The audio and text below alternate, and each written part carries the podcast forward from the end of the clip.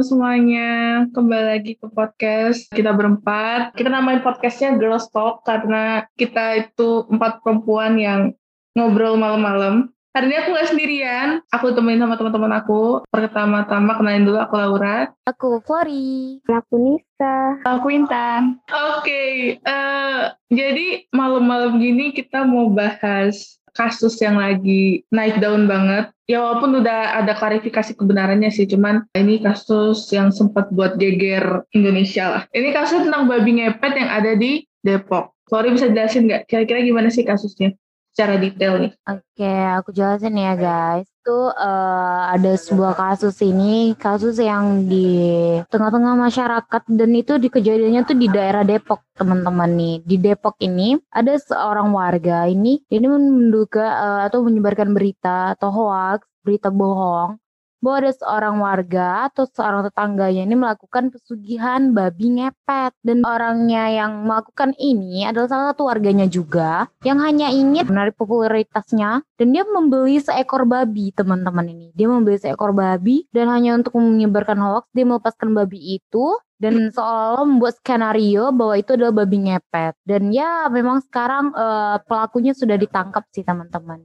Jadi ini sangat meresahkan warga dan sangat dan menjadi viral di media sosial ya. Setauku juga sih sebenarnya yang uniknya ini babi ngepet ini dibeli secara online. Artinya artinya dia memanfaatkan teknologi ya. Artinya dia dia satu sisi Iya, benar-benar. Eh di satu sisi dia tahu tentang kemajuan teknologi, satu sisi lagi dia eh, percaya dengan ya, percaya tahayul gitu ya. Nah kalau itu kan tadi tentang kasus babi ngepet yang lagi viral ya. Sebenarnya kita pasti penasaran sih.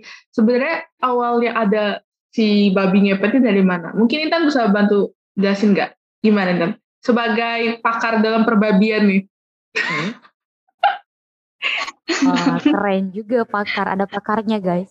Gimana Tat? Gimana? Setahu aku yang aku udah baca-baca di internet itu babi ngepet itu asal usulnya udah dari tahun 1800-an akhir. Terus dalam buku Cerita Rakyat Betawi tahun 2004 babi ngepet itu digambarkan sebagai siluman babi yang berasal dari gunung, khususnya gunung di Jawa Timur. Pasti udah sering dengar kata celengan kan? Celengan itu tempat tempat buat ngisi uang. Nah, itu sebenarnya berasal dari kata celeng yang artinya babi dalam bahasa Jawa. Jadi kebanyakan bentuk celengan itu ya kayak babi gitu.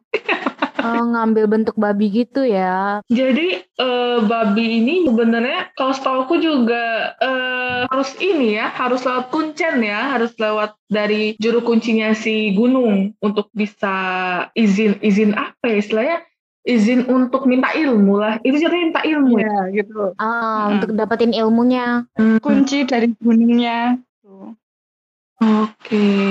Tapi memang kalau gunung-gunung Indonesia masih masih dimanfaatin sebagai ini nggak sih tempat-tempat pesugihan minta ilmu gitu nggak sih? Hampir semua ya, hampir semua gunung di Indonesia ya. Iya. iya. Oke, okay, itu tadi tentang asal usul dari perbabian ini. Nah, uh, kayaknya kurang kurang apa ya? Kurang kurang aja nih kalau misalkan kita nggak ada pengalaman pribadi nih. Nisa nih katanya punya pengalaman soal mistis-mistis nih. Gimana nih pengalamannya nih? Oke, aku ceritain ya. Jadi dulu itu waktu aku masih kecil uh, di daerahku tuh pernah ada cerita yang sempat viral masalah dunia makhluk astral ini ya. Mm-hmm. contohnya yang sangat mirip sama babi ngepet itu adalah tuyul. Nah di daerahku itu ada orang yang tiba-tiba kaya banget, padahal dunia tuh orangnya biasa-biasa aja. Nah ini kan kalau uh, masyarakat biasa sering mengaitkan hal ini tuh dengan penjelasan mulai mitos dan alam gaib. Contohnya dengan piara tuyul itu otomatis gitu sih. Itu udah dari zaman dahulu banget emang kayak gitu.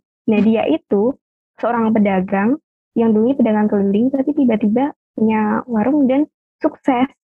Mm-hmm. Tapi sepi sebenarnya sepi tapi punya uang banyak gitu. Nah orang-orang langsung mengaitkan dengan adanya tuyul. Juga sering ada kasus kehilangan uang dan ceritanya itu tanggaku sendiri dia bilang aku tuh kehilangan uang sebesar beratus ratus ribu gitu misalnya seratus ribu beratus padahal udah kekunci lemarinya tapi hilang uangnya kayak gitu. Terus temanku juga sering bilang sama aku aku tuh sering lihat penampakannya itu di sini di pohon ini gitu. Kalau menurut aku gitu ya orang itu sebenarnya nggak tahu itu kebenaran atau enggak. Tapi itu sudah sangat makar guys jadi itu kan sangat mendarah daging di kita di masyarakat ini. Udah menjadi kebudayaan. Kebenarannya juga belum jelas sih sebenarnya. Tapi ada nggak sih kemungkinan besarnya itu orang maksudnya kepikiran kalau oh itu malingnya orang nih selain ada keyakinan tuyul gitu? Kalau dilihat dari kasusnya tadi kan udah dikunci tapi tetap kemalingan terus tiba-tiba ngambil PM tiba-tiba hilang, keselip nggak tahu ke mana padahal tadi masih ada. Orang-orang pasti akan menganggap itu suatu hal yang nggak mungkin dilakukan oleh manusia normal yang wajar gitu. Ada sih sebenarnya beberapa tulisan-tulisan itu tuh sebenarnya makhluk jelmaan makhluk gitu loh manusia ya itu tuyul gitu soalnya kan emang cerita yang beredar itu makhluk jadi-jadian manusia yang ingin kekayaan secara instan banget sih tapi memang kalau itu wah itu kalau yang punya uang aduh sakit apa ya nyakit karena uangnya hilang nyakit juga kalau di rumahnya banyak tuyul ya disamperin tuyul itu ya. Iya. Kalau teman-teman sekali lagi ya banget. ada ini uh, tidak bisa dipertanggungjawabkan kebenarannya. Dia Iya benar sih benar-benar. takut disuruh narasumber dia. Iya.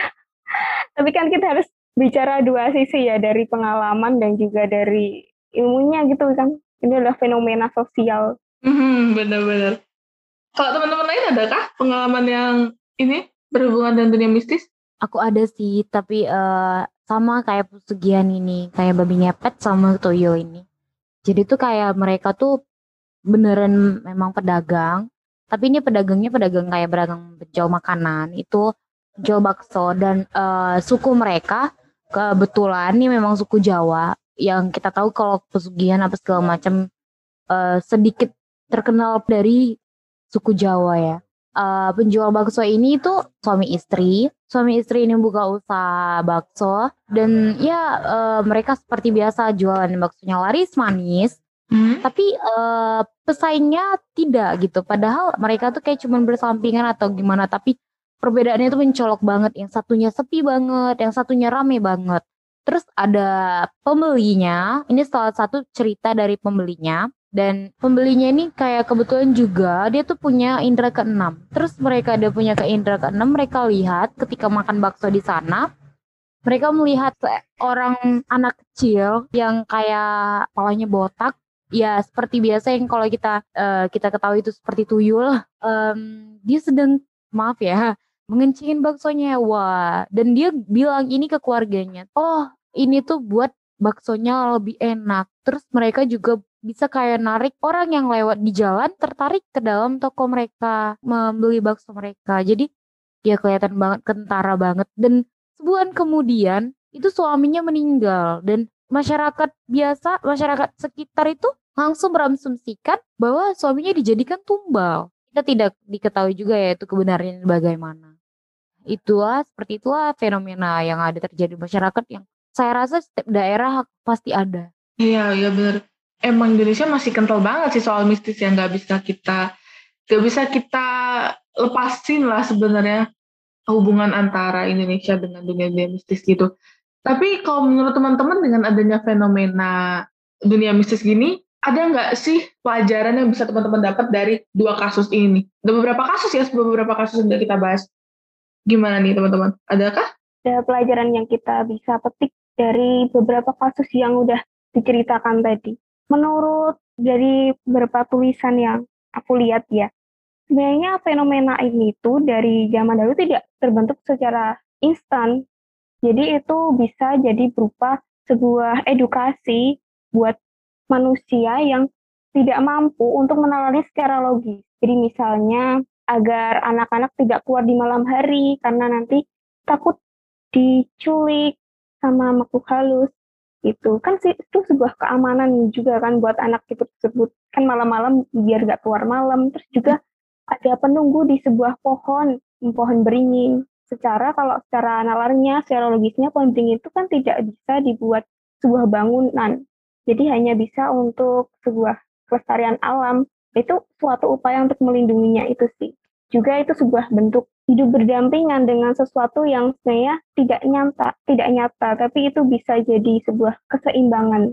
Ini yang bisa kita highlight dari uh, pernyataannya Nisa tuh hidup berdampingan ya, hidup berdampingan dalam artian juga toleransi, toleransi dalam budaya, di mana antara generasi kita sama generasi orang-orang tua kita dulu tuh emang beda jauh banget, tapi karena kita nggak mungkin hidup sendiri dan mereka tidak mungkin hidup sendiri jadinya emang harus dibalance gitu diseimbangkan dan saling menoleransi karena kita uh, udah beda budaya. Karena kan kalau generasi kita sekarang emang lebih mengedepankan uh, logika ilmiah sementara memang orang tua kita zaman dulu uh, lebih banyak masih percaya terhadap hal-hal mistis. Cuman kita penasaran dari sudut pandang agama nih Intan kan sebagai calon ustazah ya Tan ya. Gimana Gimana Tan? Kalau menurut Intan Tan? Boleh nggak sih Tan sebenarnya pakai-pakai ilmu-ilmu babi ngepet Tan kalau kepepetan? Ya nggak boleh dong Mbak, kepepet. Kenapa? Kenapa Bu? Kalau ya kalau menurutku itu perbuatan yang dilarang agama. Agama mana pun pasti melarang ya kayak perbuatan kayak gitu. Itu kan sama halnya kayak kita membuat perjanjian sama setan gitu. Padahal kan kita tahu sendiri kalau membuat perjanjian sama setan itu nggak ada untungnya sama sekali, malah merugikan kita. Terus juga kalau babi ngepet itu kan harus ada tumbalnya ya kan, keluarga yang kita sayangi, masa kita rela mengorbankan keluarga kita demi harta yang nggak seberapa itu. Kalau di agama aku sendiri, agama Islam itu udah ada larangan di Al-Quran mengenai kayak gitu. Di surat An-Nisa ayat 48. Dibacakan nggak, Mbak? Oh, baca dong. Gimana toh, Bu? Bacain, Bu. oh, iya. Artinya aja ya Mbak, sungguhnya Allah tidak akan mengampuni dosa syirik dan dia mengampuni segala dosa yang selain dari syirik itu bagi siapa yang dikehendakinya. Barang siapa yang mempersekutukan Allah, maka sesungguhnya dia telah berbuat dosa yang besar. Wah. Itu Mbak. Wah, wah keren-keren. Emang ibu ini tidak pernah mengecewakan teman-teman. Langsung Lengkap ya bun. Mau diambil loh, waduh. Tapi terlepas dari, memang kalau dari semua agama, uh, buat perjanjian dengan uh, makhluk-makhluk seperti itu memang nggak boleh ya. Terlepas dari itu memang uh, untuk sekarang memang yang bisa kita lakuin ya kayak tadi key point kita ya uh, toleransi dan toleransi karena beda budaya itu nggak ada lagi kita nggak bisa ngejudge untuk itu sebenarnya salah, itu sebenarnya nggak boleh. Ya itu memang termasuk budaya mereka dan kalau menurut aku pribadi budaya eh, nggak uh, harus dihilangkan sih sebenarnya. Cuman kita sebagai generasi yang lebih berlogika uh, bisa bisa meminimalisir lah kepercayaan-kepercayaan tentang hal-hal mistis gitu ya. Kalau teman-teman ada lagi kah yang mau ditambahkan tentang hal? Iya benar itu uh, memang bagian dari budaya kita kita lahirnya dari mereka yang udah ciptain budaya uh, orang yang udah daun kita itu mereka yang menciptain budaya dan kita tuh nggak bisa langsung um, langsung menghilangkan itu begitu aja. Jadi kita dari budayanya itu kita tinggal mentoleransinya bagaimana dan kita tuh memfilter ya bagaimana yang baiknya kita ambil dan yang bagian buruknya itu ya gak, gak wajib kita ikutin bahkan itu gak itu tidak direkomendasi untuk diikutin karena memang di agama juga dilarang. Oke, okay, itu dia. Wah, seru banget sih obrolan malam ini, malam-malam ngomongin tentang mistis ya. Semoga tidak terbawa dalam mimpi. uh, itu dia eh, teman-teman topik yang kita berempat bahas tentang babi ngepet, tentang dunia mistis, dan apa sih yang kita ambil dari kasus-kasus tersebut. Uh, terima kasih untuk teman-teman yang sudah mendengarkan. Terima kasih untuk uh, teman-teman yang sudah ikut podcast. Ada Anissa, ada Flori, ada Intan, dan di sini juga ada aku Laura. Sampai bertemu di podcast kita berempat selanjutnya. Terima kasih. Ya, terima kasih. Malam teman-teman. Terima kasih teman-teman.